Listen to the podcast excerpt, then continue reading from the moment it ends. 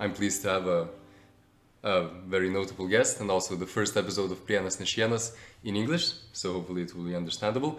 With me here I have uh, George Weigel. Among other things, he's a biographer of Karol Wojtyla, more well known as uh, Saint Pope Saint, Pope Saint John Paul II. It's quite a mouthful.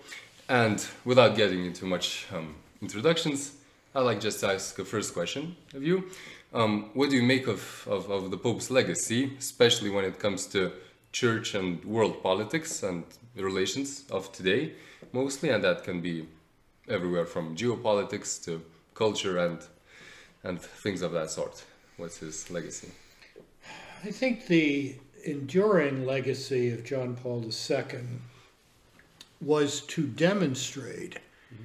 how aroused consciences how human aspirations for genuinely good political ends can bend the course of history in a, in a more humane direction. Mm-hmm. Um, communism would have collapsed at some point in history because of its own, excuse me, implausibility. Yep.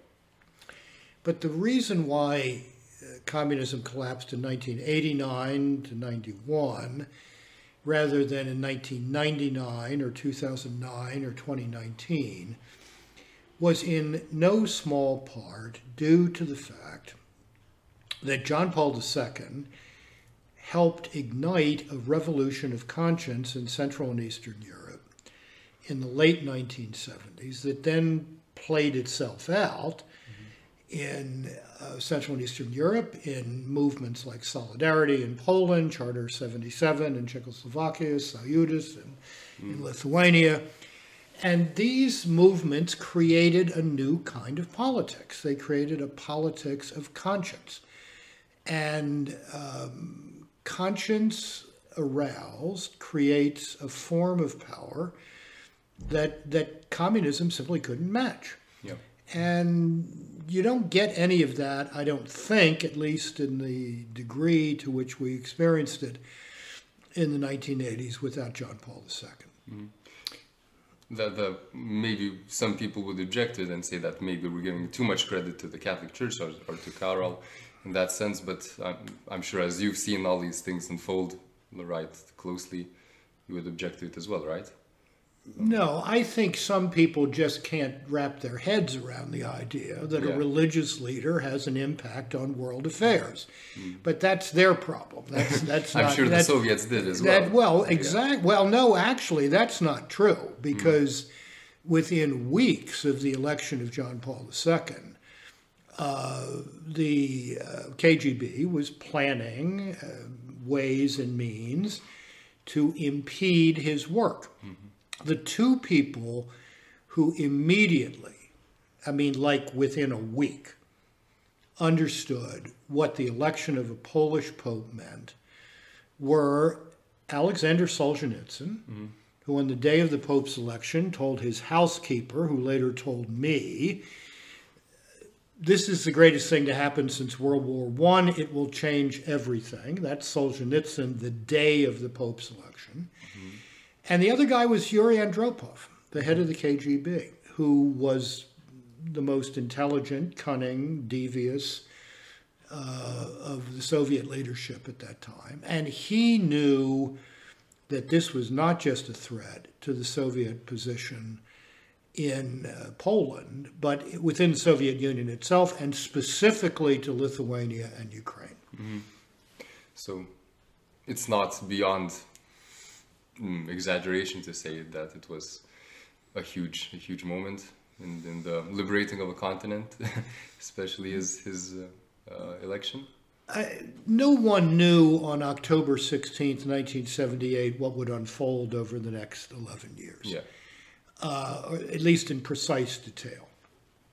But that you had, and, and I should say, yes. uh, he was not elected because the College of Cardinals thought this man will bring down communism. He was elected because they thought he was an able churchman yeah.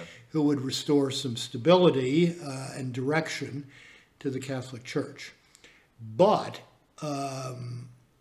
the fact of a pope who had a living experience of contesting with communism for the human future and, in effect, challenging communism on its own ideological grounds. Who has the nobler view of the human person? Mm-hmm. Who has the nobler view of human destiny? That had, that, I mean, if you had any sense at all in 1978, you, you must have known that that was going to make some kind of difference. Yeah. As I mentioned, the movie Liberating a Continent, one of the last scenes of, of it is takes place in 2013-2014 during the Maidan revolution in Kiev, Ukraine. Um, why? Because I'm, I'm sure you also had a part in that in the production of that movie, and, and you know, in in those days, JP2 has been dead for almost a decade, but still, it's his his uh, influence was palpable. I'm sure.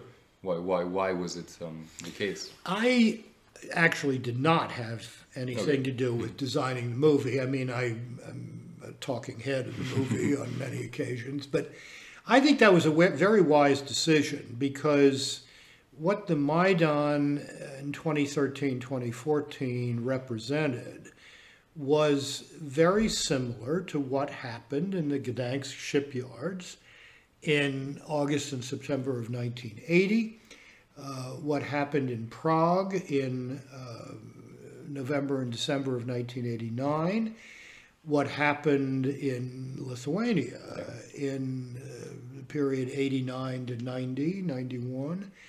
And that was what I called a moment ago aroused consciences. People saying, I'm not going to live this way anymore because this is not the right way to live. Would you agree that the current pontificate, which we're already getting into some muddy waters, um, lacks the heroism of, of, of the JP2 era down here? And um, yeah, if so, what, what should be the response of the ordinary people? I think the present foreign policy, so to speak, of the Vatican Yeah. is ill conceived. Uh, there, is, there has been a return to the kind of accommodation, negotiation approach to dealing with authoritarian and totalitarian regimes that was the Vatican policy before John Paul II. Mm-hmm. This was known then as the Ostpolitik, mm-hmm. and it was premised on the idea that you can, in fact, make reasonable deals, agreements with totalitarian regimes. And I don't think that's the case. Um, uh, the present Vatican policy in China is a serious mistake. A, because the Chinese regime will not honor whatever agreements it signs. But B, because it is it's it's evangelically counterproductive. It does not advance the cause of, of the gospel in, in China. Um, I've written for years that whenever communism eventually collapses in China, which it will at some point, these things never last forever, China will be the greatest field of Christian mission since the Europeans came to the Western Hemisphere in the 16th century. Um, be an enormous opportunity for Christian mission in China, uh, in a post-communist China. The Christian communities that will have what economists would call comparative advantage are not going to be the Christian communities that were entangled with the old regime. Yeah.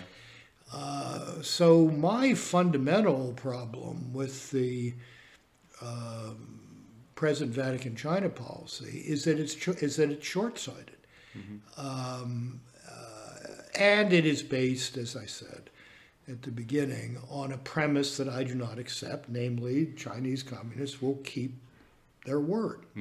They haven't so far.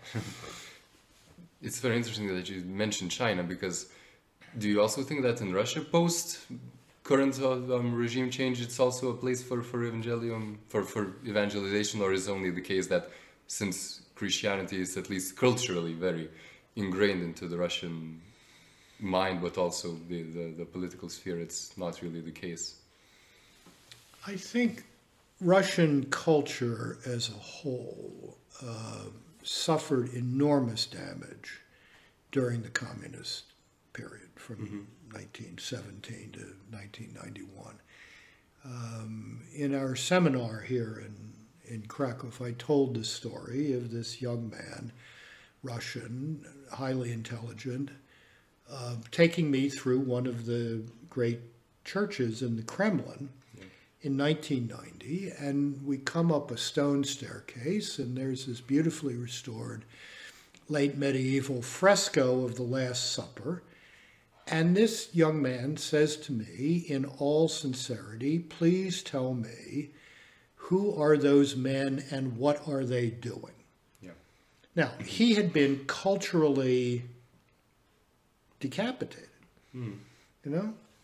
Um, you, you don't recognize one of the three great icons of Christian art. I mean, you got crucifixion, the Nativity, and the Last Supper.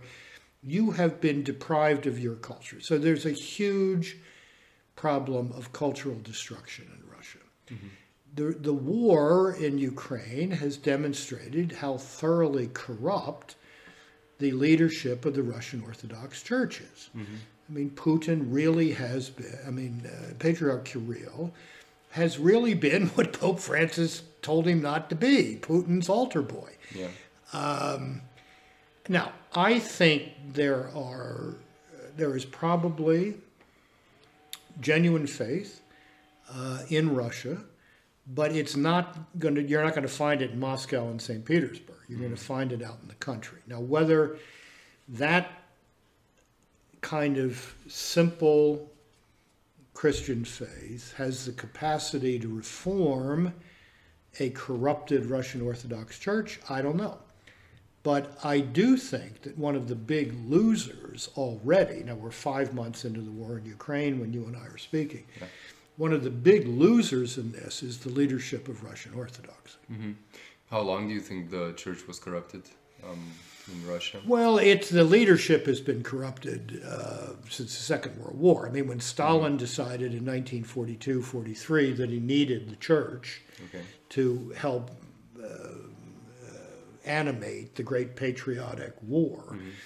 Uh, from that point on, the leadership of Russian Orthodoxy has been um, owned by the Russian state. Mm-hmm. I am absolutely convinced that the current patriarch was allied to the KGB as a young priest. Yeah.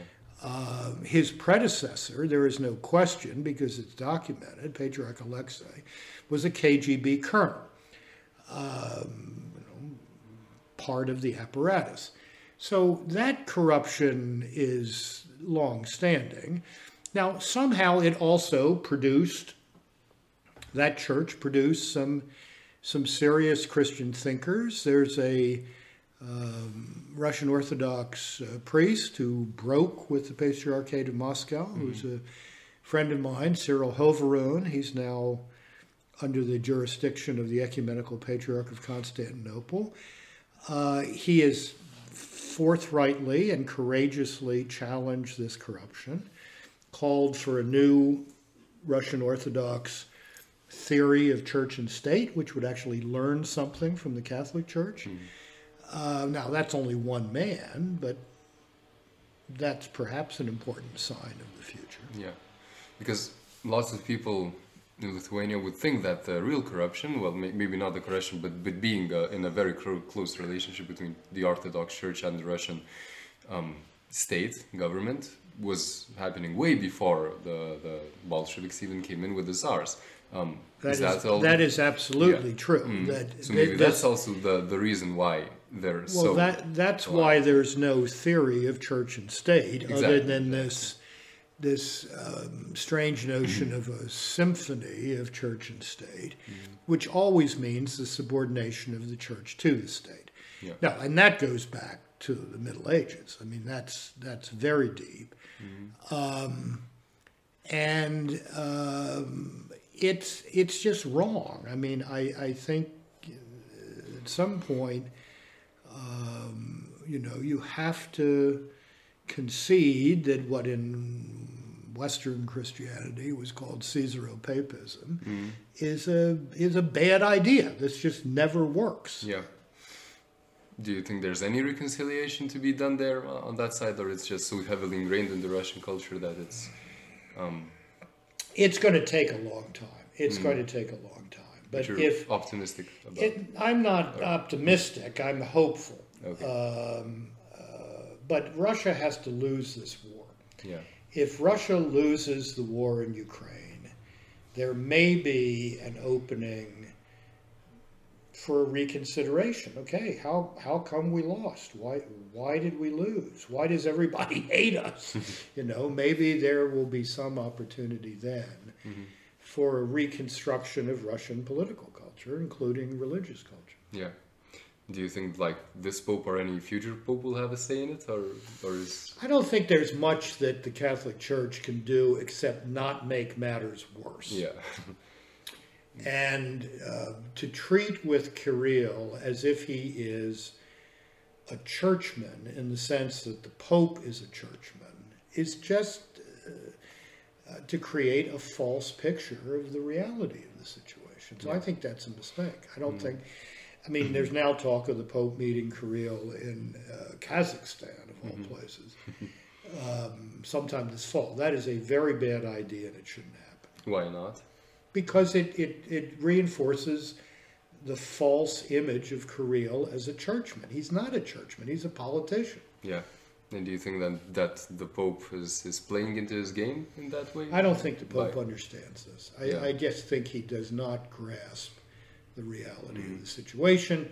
Or if he does, maybe he believes he can somehow touch this man's heart, and maybe that's true, but it's that's a very big gamble. Okay. So the current nuncius in, in, in Ukraine is Lithuanian, and he claims to be that um, the Vatican policy, or at least the, the, the messaging of it, is quite clear that, that they're strongly condemning the Russian aggression in Ukraine, and, and they try to do as, as much as they can to bring about peace.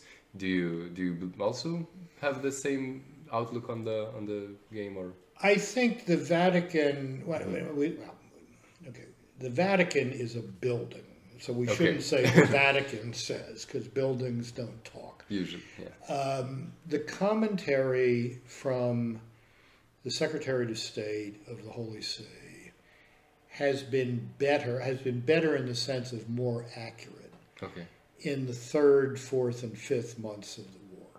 It was not good in the first two months. Hmm. Um, but I, I think it is simply fanciful for Vatican officials to imagine that they have a potential role as a mediating force in this conflict. I mean, you still, just this week, the third week of July, you have the Vatican foreign minister, Archbishop Gallagher, saying, well, we haven't been asked to be a mediator, but we would be happy to. Yeah. That's just, first of all, it isn't going to happen.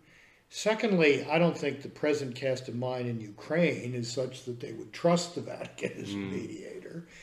And the Russians would try to manipulate the Vatican as a mediator. They so I, why are we even talking about uh, Vatican mediation?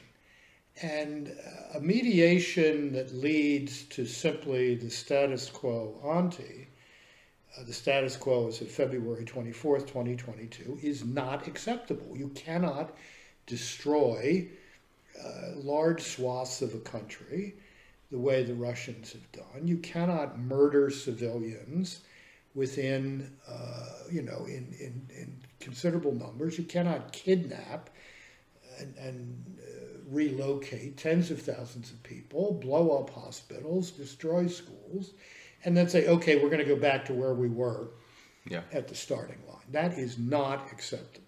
That would be a reasonable position, but like some people would claim the the fact that it's not um, the the realpolitik is something else that that. You well, there is there to is there adapt. there's unrealistic realism. There's a form of realism that is unrealistic. Yeah. And if if if anyone thinks that a return to the situation on February 23rd, 2022 would create anything other than a pause, after which, in six months or a year or whatever, uh, if Putin is still in power, he will try again, is living in a fantasy land. Yeah. And therefore, why give him that pause? And by the way, while the pause is going who's responsible for rebuilding Mariupol? Yeah. Who's responsible for uh, justice in Bucha? Uh, and so forth and so on. I mean, this is, uh, you know, this is like saying, okay, if if Hitler had agreed to stop in Poland on September 10th and go back to where things were on September 3rd, okay, then we can talk about the future. I mean, this is to misunderstand the nature of a totalitarian regime. Yeah. Then yeah, I guess that that brings us to the final question that I wanted to ask, and getting back to JP2 and Sure. and his um, just relations with Lithuania. I'm, I'm, I'm sure that he also you could some share some stories maybe that he thought um, about about our current situation, uh, about the situation in the end of the 20th century, but also about the current one. What do you think his concern would be nowadays? What he would what would he tell? What would he advise to, to, to the nation of, of the Baltics and specifically to Lithuanians? It's a bit Well, the first thing he would do, obviously, is to urge Lithuania to hold on to, cherish, and grow mm-hmm. the Catholic faith that was so important in maintaining Lithuanian identity during the period of the Soviet occupation. Um, the Catholic Church in Lithuania, like the Greek Catholic Church in Ukraine, like the Catholic Church in Poland, was a kind of safe deposit box of, of national identity. And um, uh, an instrument like the Chronicle of the Catholic Church in Lithuania was very important in maintaining the idea this is a real nation with a, its own culture, its own history, it has a right to an independent life. The church was very important in that. It wasn't just the Catholic Church, there were people of different perspectives involved in Sąjūdis and whatnot, but Sąjūdis was meeting in the basement of the cathedral in Vilnius. So I mean, there was some, there was obviously some connection there. Um, I think the other thing John Paul II would say to all of us today is the famous "Be not afraid." You know, history can be bent in a more humane direction. But that requires courage, it requires sacrifice, um, and it requires truth telling. I think the, the, the best thing the Catholic Church, and specifically the Holy See, the Vatican, can do in these situations of conflict is tell the truth. Because there is so much disinformation, propaganda, rubbish of one sort or another pouring out of Moscow and Yeah. other places, that for the church to be a calm, steady truth teller, here's what's happening, here's who did what, is an enormous public service. Yeah. I guess that's really hard to disagree in in that in that sense. Um, thank you for the for the time you had spent with me. It was a great honor for me and also I think a great privilege to my viewers. Um, do you have any final words or something to say? I have about- a, I have a great affection for Lithuania. I spent a week there in, in Lithuania in 2013 to help mark the 20th anniversary of John Paul II's visit. Yeah. Um, I was deeply moved by being able, able to go to Chalet and the Hill of Yeah. Crosses. Um, and it was, it was a great honor in the 1980s to be able to defend the people of the Chronicle, Father Tom Tamkevičius, as Yeah. he then was, Father Svarinskas, Sister Nijolė. Mhm. And um, uh, I'm very grateful to God for giving me the opportunity to, to meet and work with and support people of that uh, level of, of faith and integrity. So happy to be here. um, I'm very happy to hear these words. Look forward to seeing you in Lithuania as well, maybe sometime by God's grace. and then, yeah, in any way, as I said, thank you very much. My pleasure. And then, Thank yeah, you. And then, um, if I had to, Thank you. um, great. Thank you for watching, and we'll see you around. Good. Thanks again. Okay.